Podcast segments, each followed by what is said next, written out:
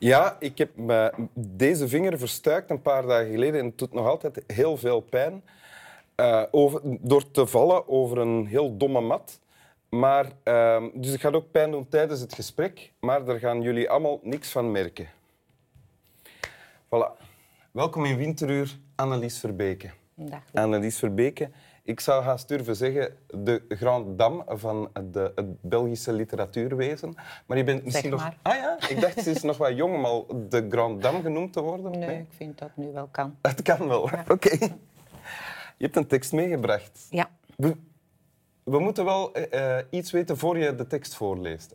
Oké. Wie is er aan het woord? Uh, er is een vrouw aan het woord, uh, alter ego van Herta Muller, de auteur, zou je kunnen zeggen. Zij is net uh, naakt uh, ondervraagd door de Securitate, de veiligheidsdienst van Ceausescu. In Roemenië uh, in de jaren tachtig of zo. Ja, en ja. ze zit in dit fragment in een tram. Nadat ze dus opgepakt is geweest, ondervraagd en dan mag ze terug naar huis. Ja. ja. En ik zweeg hierover. Dat ik niet begreep hoe mensen zo verend en zwaaiend konden lopen terwijl ze toch van het ene moment op het andere in de hemel konden zijn. Dat bomen met hun schaduw tegen de huizen leunden. Dat deze tijd van de dag terloops een vroege avond werd genoemd. Dat de zingende grootmoeder in mijn hoofd zong: Weet gij hoeveel wolken zweven boven alle bergen hoog?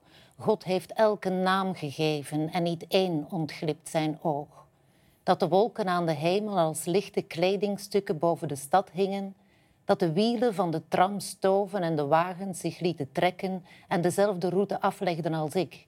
Dat de passagiers, nauwelijks ingestapt, aan het raam gingen zitten alsof ze thuis waren. Teresa liet haar gouden kettingje los. Wat wil die man van jullie? vroeg Teresa. Angst, zei ik. Oeh. Ja. Beklemmend stukje tekst. Ja, zeker. Ja, wat gebeurt er? Ja, het mooie aan dit fragment vind ik dat zij angst beschrijft als iets wat in de eerste plaats bevreemdt en isoleert. Zij begrijpt eigenlijk niet hoe het leven zomaar verder kan gaan, hoe iedereen zo op zijn gemak kan zijn, terwijl zij op dat moment enorm veel angst uh, voelt.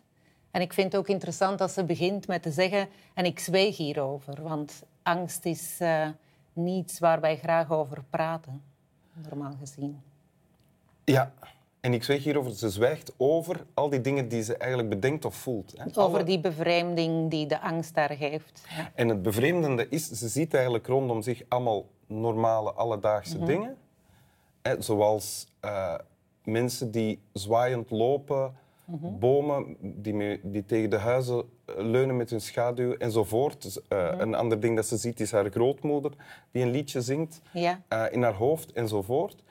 Allemaal normale dingen die we normaal ook zien. Mm Zelfs vrij vrolijke, harmonische dingen.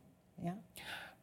Maar ze begreep dat niet. Hè? Ze zei, ja. Ik zweeg erover dat ik dat niet begreep. Ja. dat, dat, is eigenlijk dan, denk ik, wat angst doet. Dat, dat je helemaal bevreemd geraakt van, van die ja, dat gewone dagdagelijkse leven dan maar verder gaat alsof er niets aan de hand is. Dat is eigenlijk wat ze, wat ze voelt. Ja. ja. dus zonder het letterlijk over de angst hebben, uh, verschijnt hier wat angst met jou kan doen. Hè? Ja. ja. en ik denk ook wel dat er in het lied van die grootmoeder een bedoeld weerhaakje zit het is een beeld van wolken, het meest democratische natuurschoon en alsof God voor iedereen zorgt. Maar die laatste zin, en niet één ontglipt zijn oog, krijgt ook wel een randje door de situatie waar zij in zit. Ze wordt gevolgd, ze wordt bekeken, in, in het oog gehouden. Want, want ook in de tram waar ze zit, wordt ze gevolgd door iemand van de Securitate? Uh, nee, nee, ah, ze is daar juist weg, maar die... Teresa zal wel later in de roman, Hartedier heet die trouwens, uh, haar verraden. Dus ja, ah, het is ook nergens die Theresa is een vriendin met wie ze op de tram zit. Ja. ja. Oké. Hoe kom je erbij om dit te kiezen? Ja, omdat ik, uh, ik was zelf een tijdje heel vaak boos. En toen begreep ik op een gegeven moment dat daarachter angst zat. En eens dat ik die angst in de ogen keek en begreep dat ik ook bang was, want dat is eigenlijk een gevoel wat ik niet goed ken of weinig mee in aanraking ben bij mezelf, uh, ging het eigenlijk beter. Wel, ja. Aha, dat is goed. Ja, Hoe, was- waarover was je boos? Of, en dan ja, en bang. bang, ja? Ehm, ja, omdat eh, ik toch wel vaak de indruk heb dat op deze smeltende planeet eh, een, een aantal inhalige idioten en zich superieur warende eh, extremisten van allerlei slag. Over wie heb je het dan eh, allemaal? Van IS tot extreem rechts, wat infiltreert in allerlei regeringen. Maar hier is het natuurlijk een, een communistische dictator. Het kan me eigenlijk weinig schelen van waar het extremisme komt. Maar dat ehm, geweld, of op zijn minst een gewelddadige taal en agressie normaal worden, daar ben ik heel bang voor, ja. Waarvoor ben je dan precies bang? Ik bedoel, ben je bang dan om wat er met jou zou gebeuren? Ook, ja, ook de, de repercussies in mijn eigen leven, eh, maar ook voor andere mensen. Maar het ehm, inzien van die angst ehm, doet je dan ook wel weer stilstaan dat, dat die ook in andere mensen leeft. Ook in degene die je dan als vijand zou kunnen bestempelen. Mensen kunnen ook achter de zogenaamde sterke leidersfiguren a- a- aanlopen omdat ze bang zijn.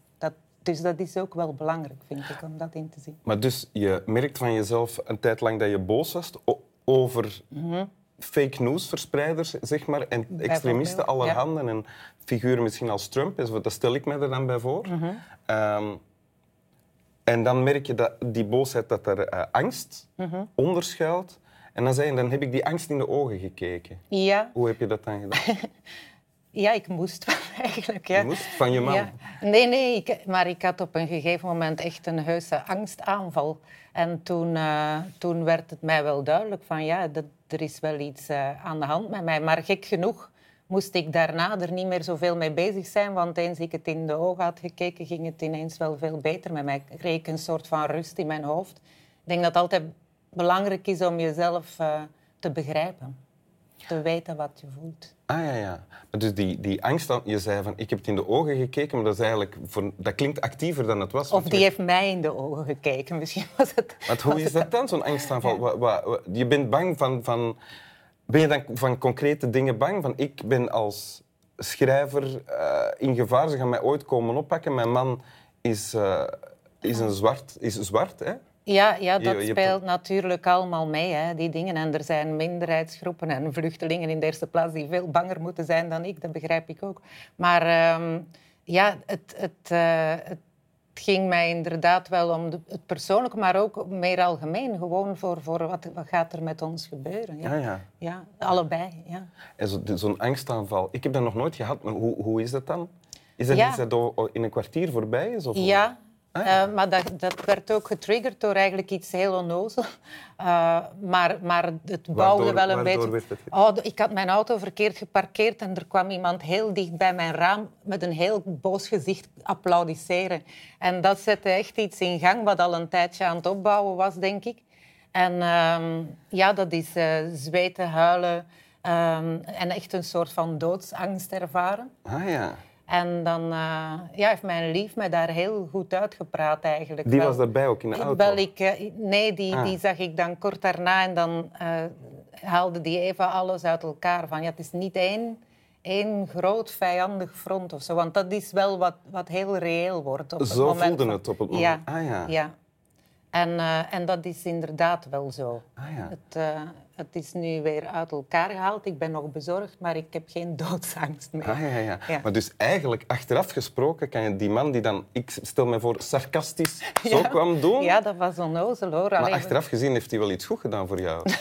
Die Ja, ik heeft ben ervoor dankbaar. Ja. dat je de angst in de ogen Ja, moest maar anders was het wel iets anders, anders geweest. Ja, Eh, bouwde al een tijdje op. Ja. Maar toch aan die man, als die nu zit te kijken, dan zouden we daar... Dank, Dank je wel. dan. Wil je de tekst nog eens voorlezen? Ja. En ik zweeg hierover. Dat ik niet begreep hoe mensen zo verend en zwaaiend konden lopen, terwijl ze toch van het ene moment op het andere in de hemel konden zijn. Dat bomen met hun schaduw tegen de huizen leunden. Dat deze tijd van de dag terloops een vroege avond werd genoemd. Dat de zingende grootmoeder in mijn hoofd zong Weet gij hoeveel wolken zweven boven alle bergen hoog, God heeft elke naam gegeven en niet één ontglipt zijn oog. Dat de wolken aan de hemel als lichte kledingstukken boven de stad hingen. Dat de wielen van de tram stoven en de wagens zich lieten trekken en dezelfde route aflegden als ik. Dat de passagiers, nauwelijks ingestapt, aan het raam gingen zitten alsof ze thuis waren. Teresa liet haar gouden kettingje los. Wat wil die man van jullie? vroeg Teresa. Angst, zei ik. Dank u. Dank je wel. Slap wel.